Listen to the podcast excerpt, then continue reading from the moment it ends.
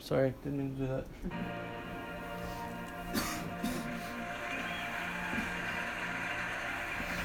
Actually, that was good timing, wasn't it? Mm-hmm. it's another new song, um, y'all. That we'll have to share that story at one day um, about how that new new wine song means so much to us, but.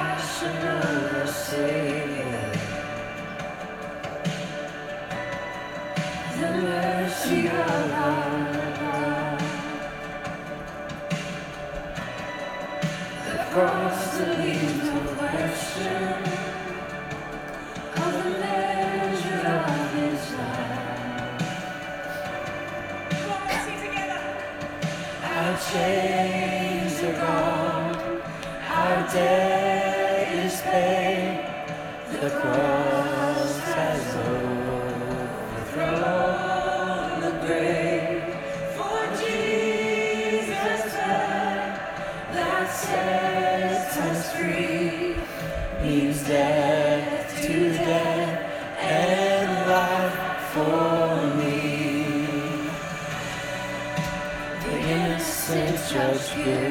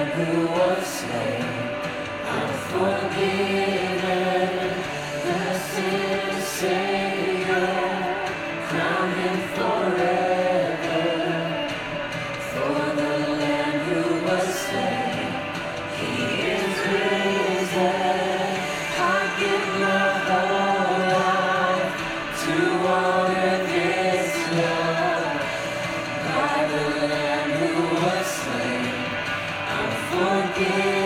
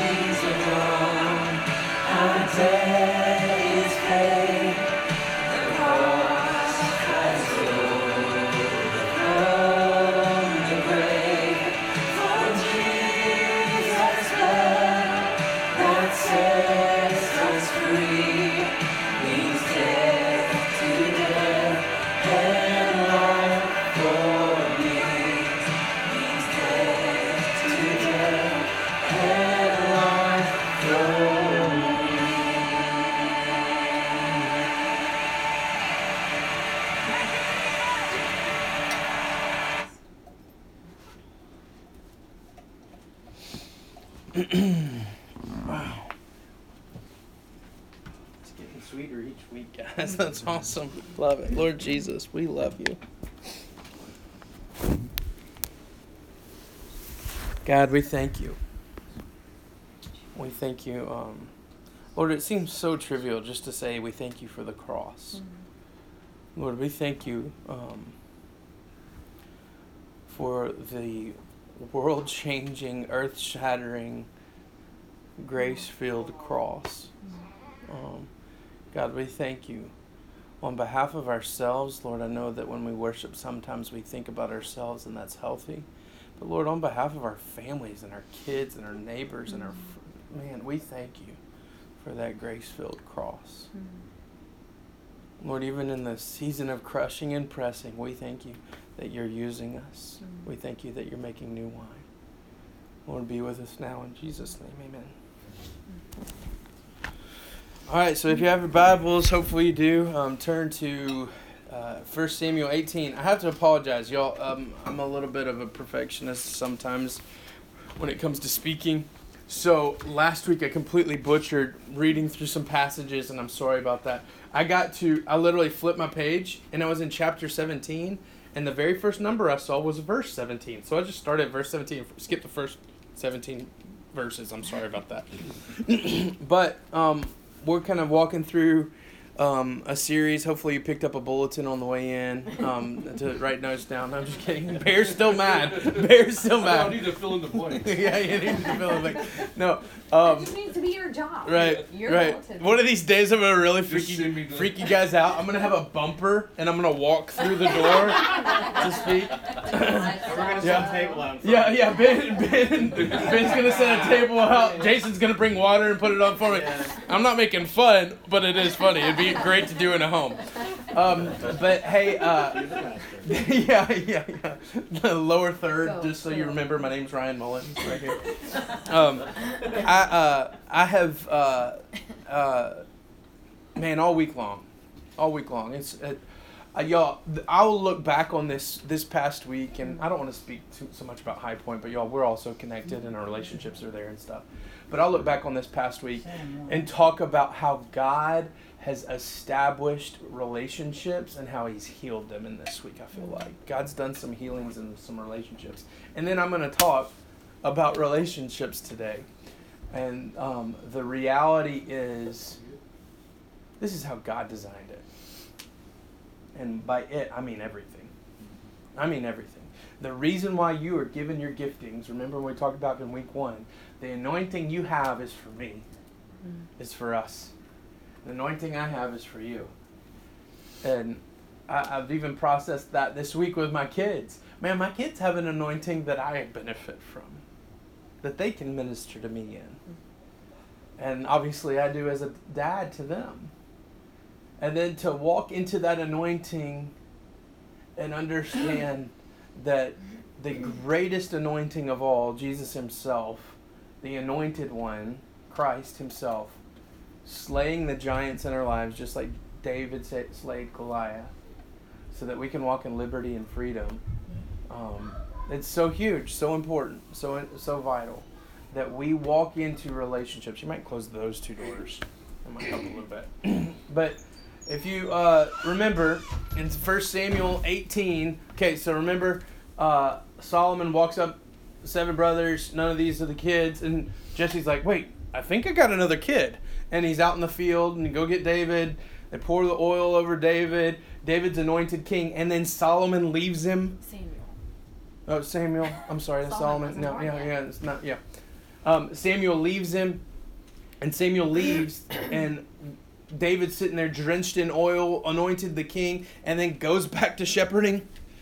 And then Saul is still king. They're in a stalemate. Goliath walks down in the middle of the valley. Remember, we talked about this last week. And David is in between. He's going and playing for Saul because he can't sleep at night, and then he's going home and tending to his responsibilities at home. And then his dad sends him to the battlefield to take portions to his brothers. His dad says the funny thing that we know what he brings back later. Says, "Hey, bring me a token back," and he brings back Goliath's head. Um, but the reality of he, David's in this back and forth. We're not designed to serve two masters. Scripture tells us that. We're not designed to serve two masters. Um, I, I have shared this hundreds of times, and if you've heard it, I apologize. But a fork in the road is where the enemy moves. A fork in the road is where the enemy wins. A decision, a step forward, is how you silence the enemy.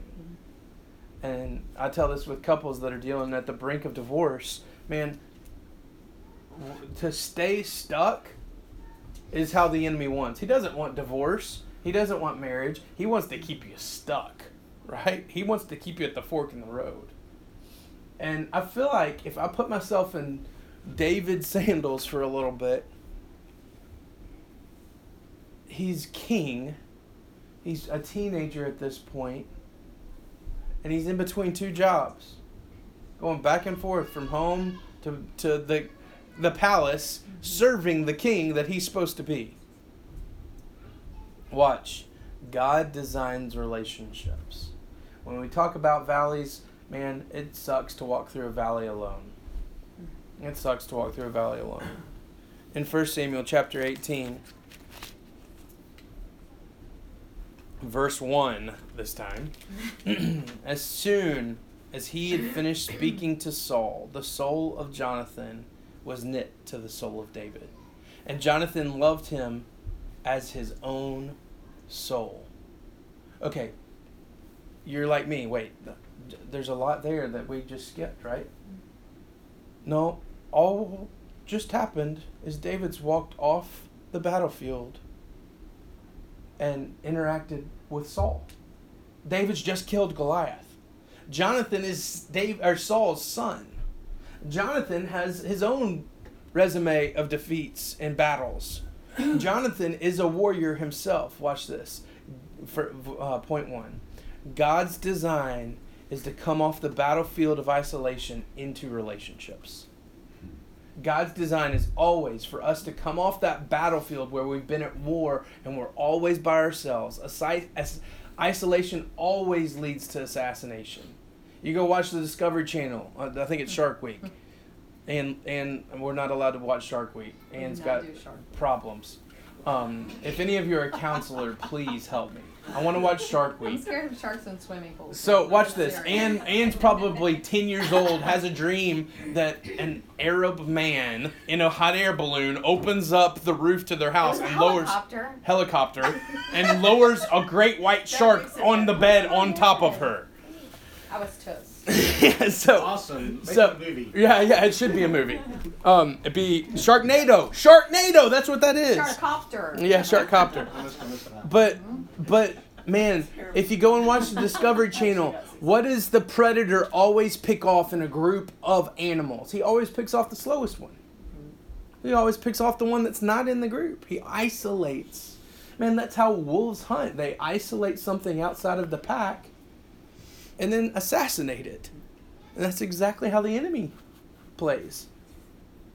David is walking back and forth between two worlds. And the world that God's given, he can't step into. The anointment of the king. And he's not stepped into it. So he's walking in isolation. Chapter 17 ends with Saul saying, Whose kid is this? Remember, Saul had talked to David. Saul had interacted with David. David has been playing music for Saul. And David knows the dude playing this song. We go and read in verse uh, chapter 16. In chapter 16, it says, Hey, go get this son of Jesse the Bethlehemite, Bethlehemite.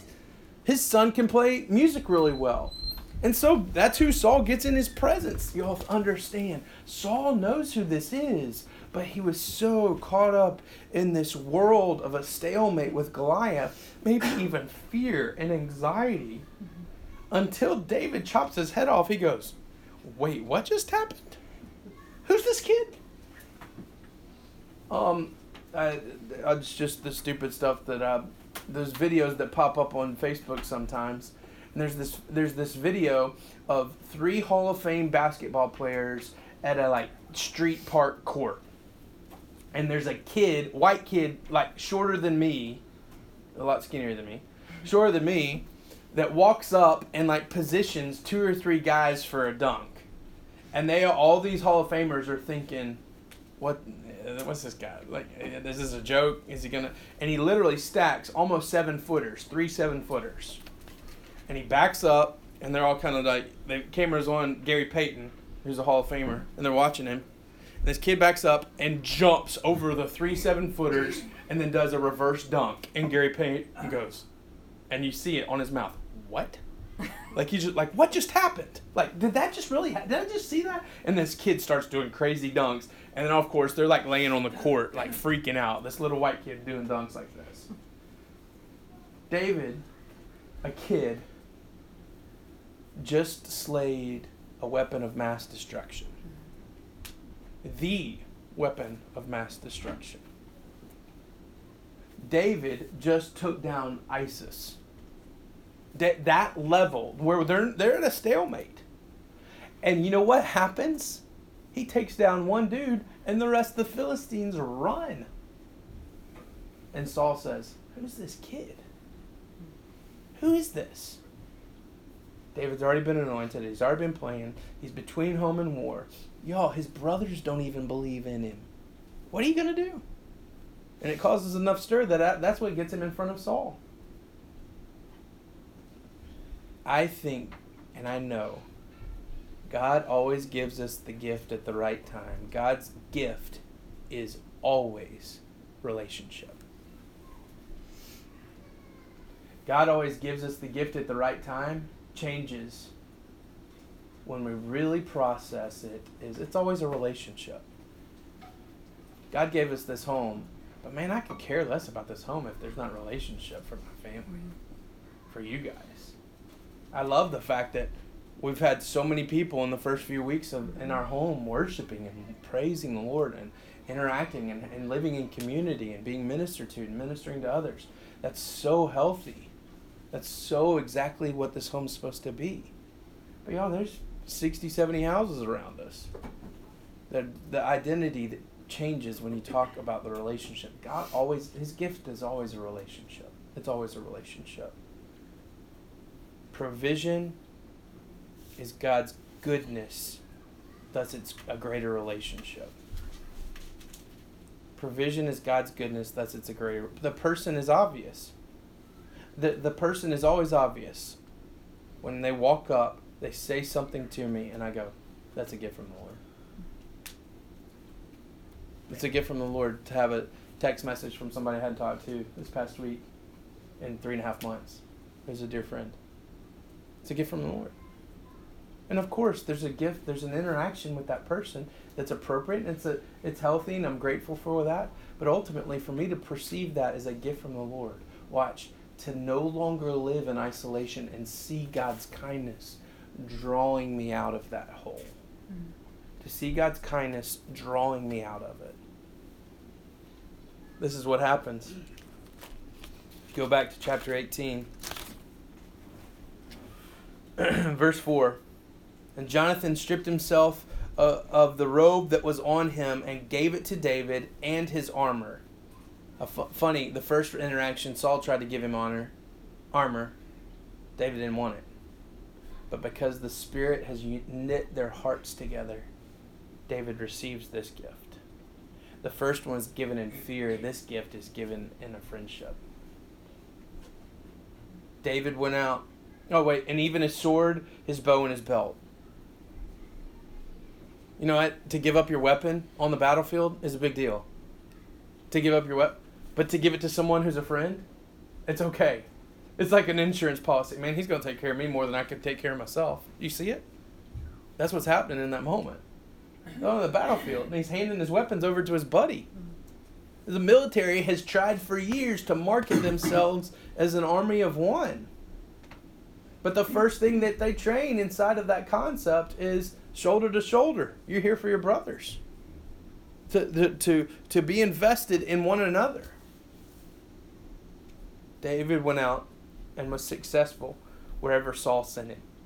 So Saul sent him over the men of war, and this was good in the sight of all the people, and also in the sight of Saul's servant. Mm-hmm. Oh, I skipped over in verse in verse two. And Saul took him that day and would not let him return to his father's home. Verse 2. Saul took him that day and not let him. David gets clarity from the Lord. No longer will you serve two masters. Never to return to his father's home. God gives him a brother in Jonathan, and then God clarifies that there's no longer this back and forth. Change and the relationship go hand in hand. The change happens, and, and God gives a relationship. Holy smokes. Let's talk about us 10 months ago. He's been talking about us sitting in my, our community like this. Right? Couldn't have written it. Couldn't have written it. That I'm going to have these people in our home, and we're going to call it Selah Memphis, and beginning birth of something new. We couldn't have written it. God sends change and provides relationship. So watch this. I need you. I hate when I say that. It sounds like that we're in the. It's Ryan's vision to start the church. I hate that. I'm trying to kill that. You know. But when I say I need you, I don't need you to start the church. I need you as a friend. I need you as a relationship. I need you so I don't isolate. And you need the same thing. God's gift of Jonathan to David was a gift of consistency.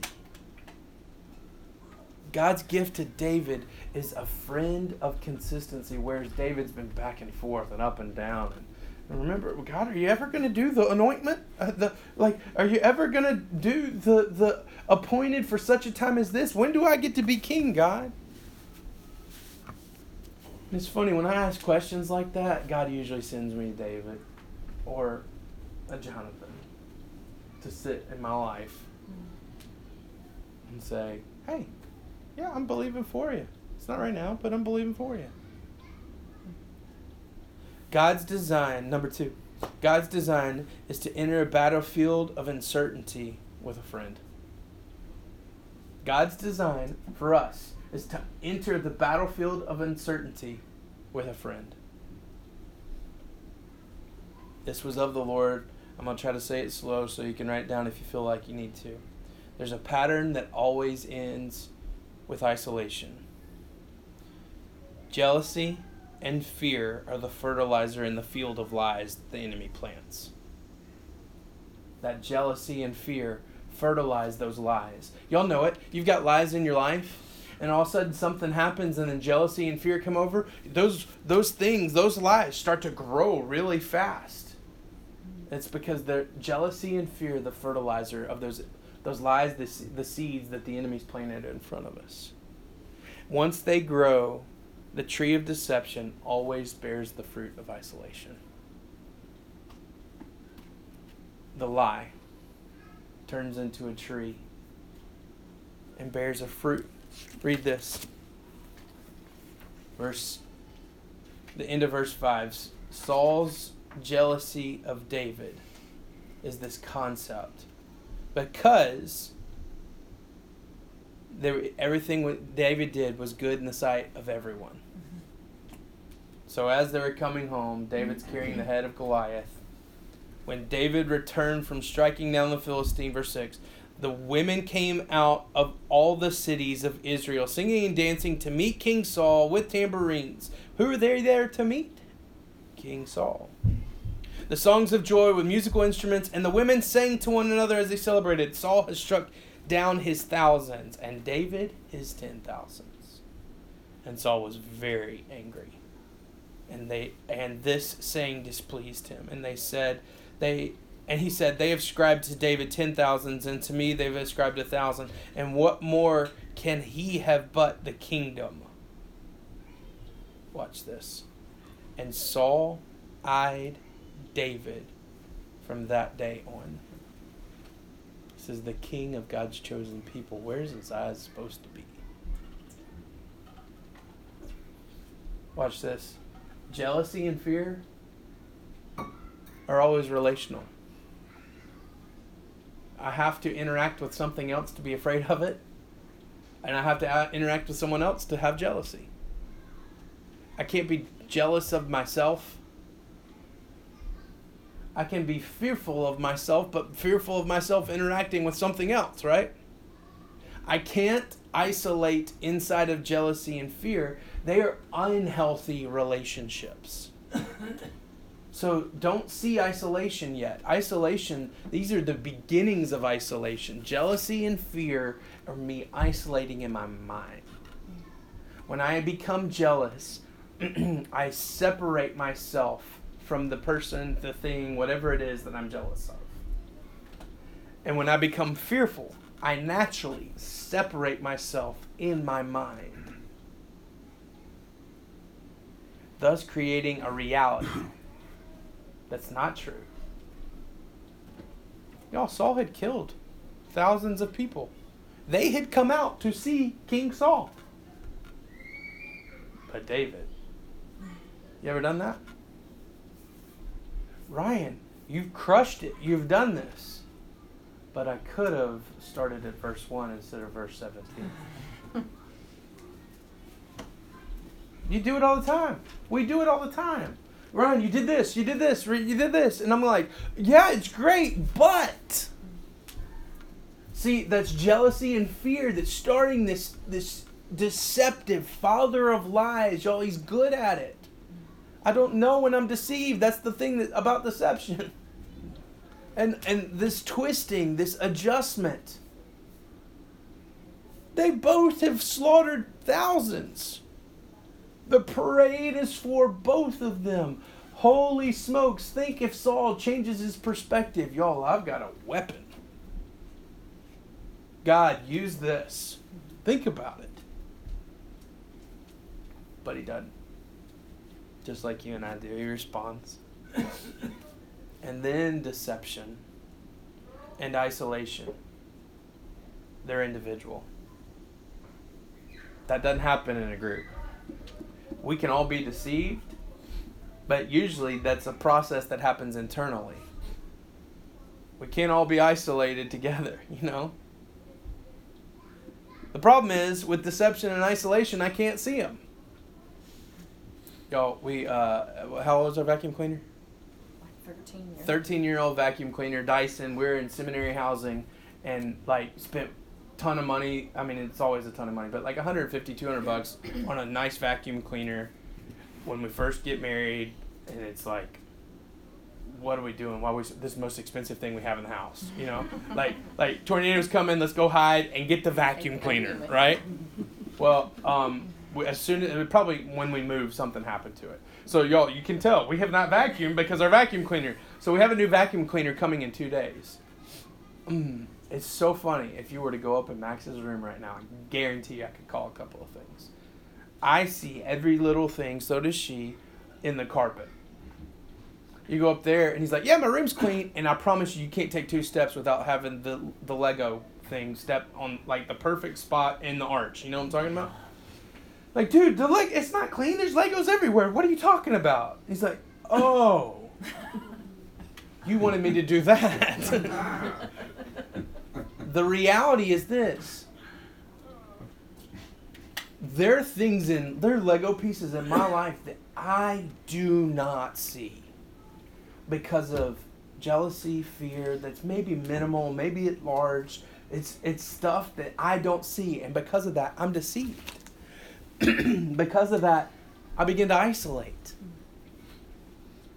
And I need someone to come and say, dude, this isn't okay.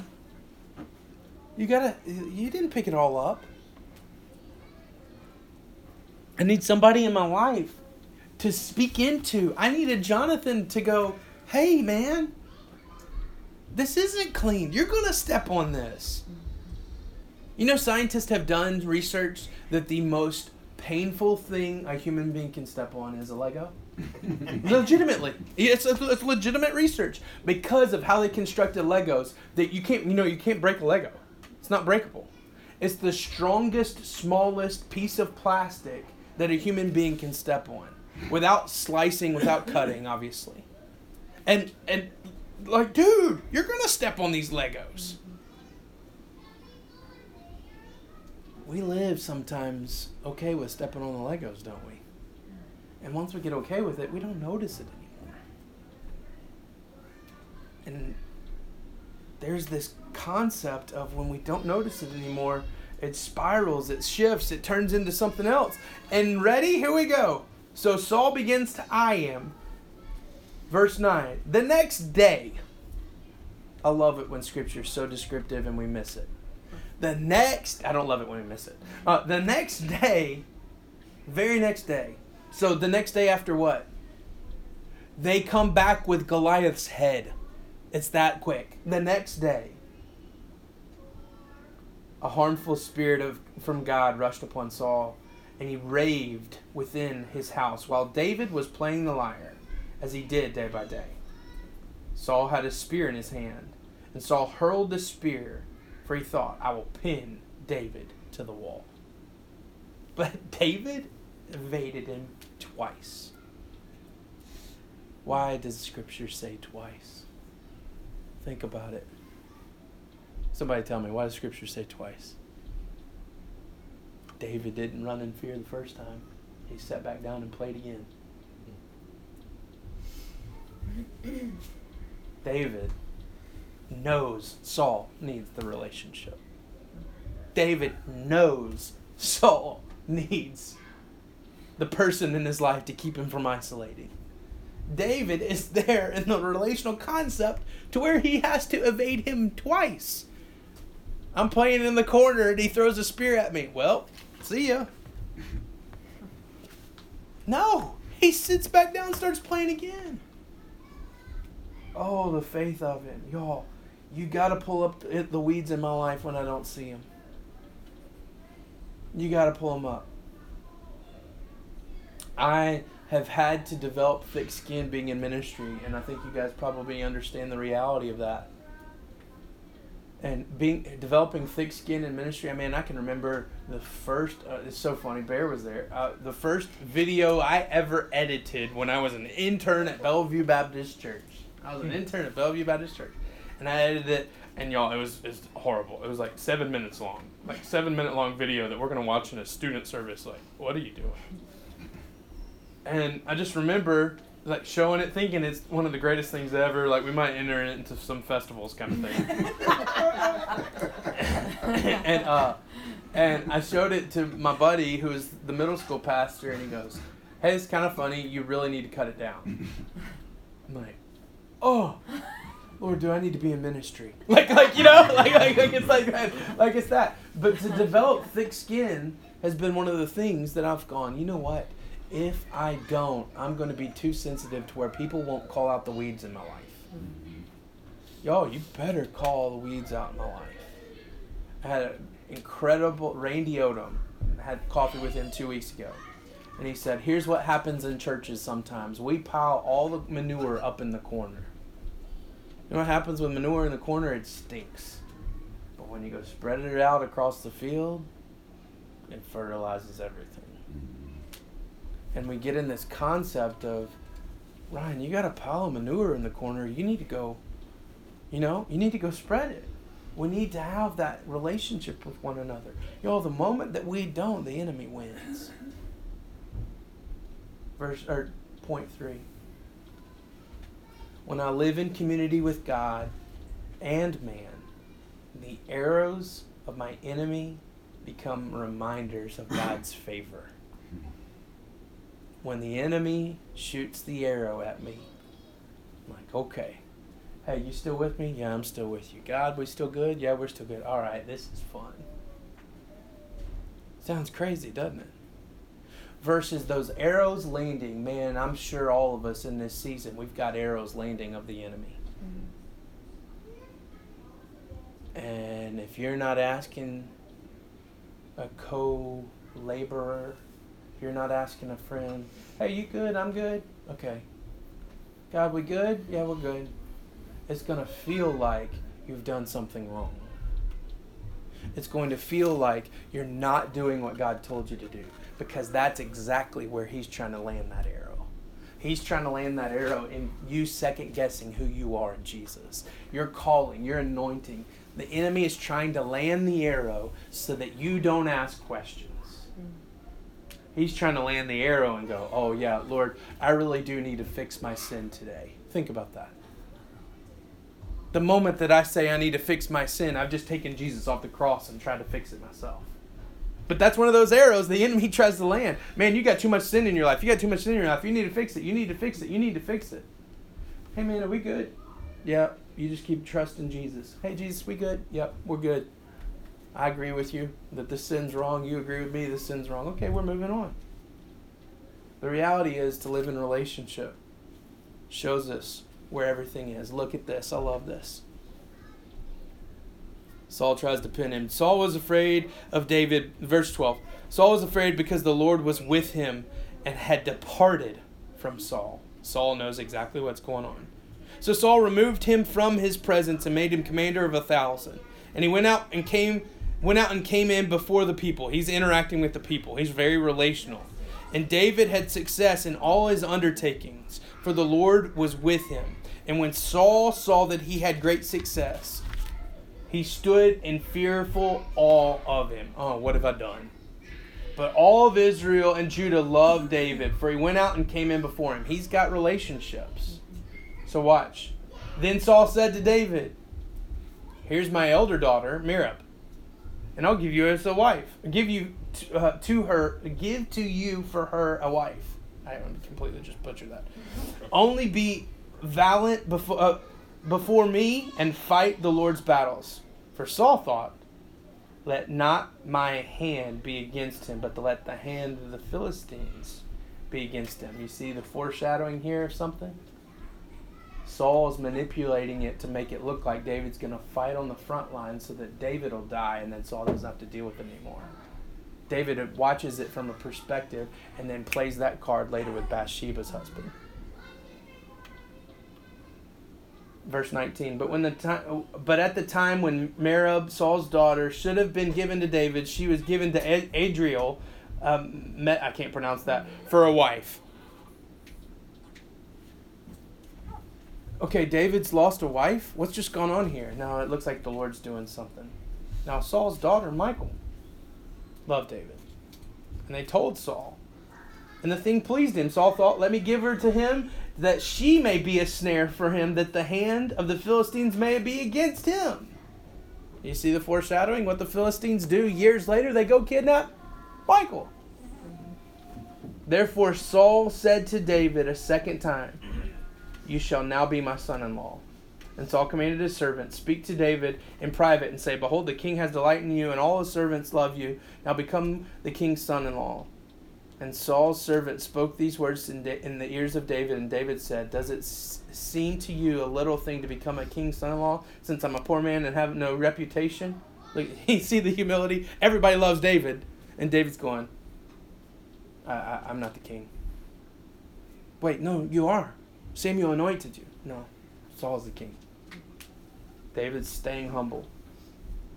Then Saul said, verse 25, Thus you shall say to David, The king desires no bride price except a hundred foreskins of Philistines, that he may avenge the enemy. Saul's trying to kill him. He's trying to get him into battle. So what does David do? Now Saul thought he might fall to the, the hand of the Philistines. And when his servant told David these words, it pleased David well to be so, the king's son-in-law before the time expired. So David arose, went along with his men, killed 200 Philistines, and brought back their foreskins. What? Yeah. Yeah. Yeah. David's like got this like weird token thing that he likes, okay? you know what foreskins represent? I'm sorry. It, I, it, it represents the flesh and the rending away. That's what it always represents. There's a purification concept. I got to teach it. I'm sorry.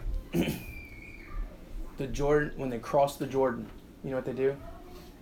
They set up stones to remember what God's done, and they purify themselves by circumcision. Mm-hmm. And they literally have two piles a pile of skin, which decays and goes away, the old, and a pile of stones, which doesn't go away. You see the symbolism? And walk through the water. God purifies. God establishes his memory, not theirs. Hmm.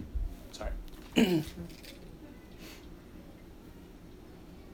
Ultimately, David kills everybody and takes Saul, uh, Michal as his wife. Please see this. The arrows of my enemy are always the sign of God's favor. Well, David gets a wife. He gets a wife. Saul's trying to kill him, and he gets a wife out of it. David, in the moment, might just see a way that Saul's trying to manipulate things, but he gets a wife.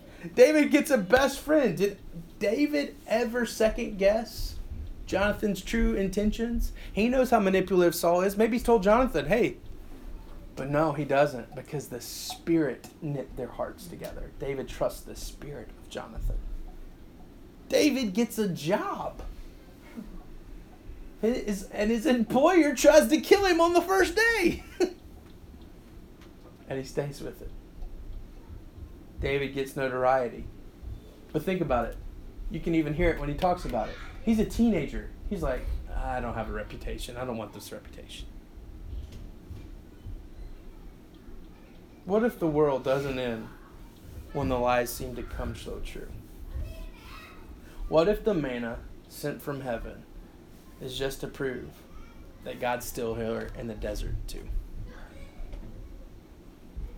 He's the king over the desert. He created the desert. He created the valley.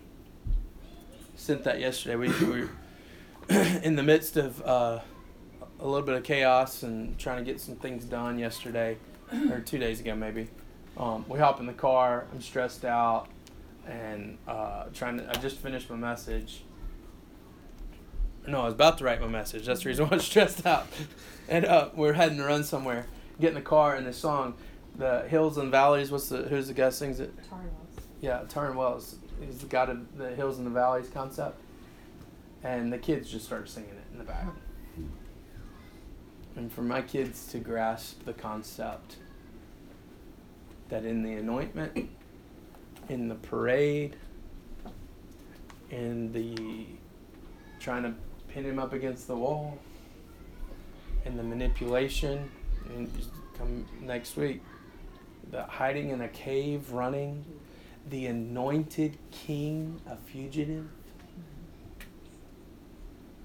Man, I feel like I've had some weird emotions this week. Think about David's life is filled with weird emotions. My best friend, dad, wants to kill me, and he's got my job. My wife's dad wants to kill me, and he's got my job. God, what are you saying? And we go flip over to Psalms. No wonder we understand so much of what David speaks. No wonder it ministers to us so well.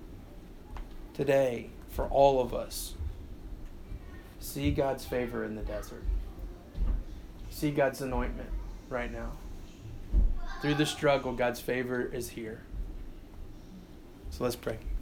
Jesus, only you would assemble a team like this to where we could look up and see your favor in the midst of the storm. See your favor on the mountaintop and in the valley. We can see who you are and what you're doing, God. And Lord, we ask for more clarity. We ask for more of you. Jesus, we love you. In Jesus' name, amen.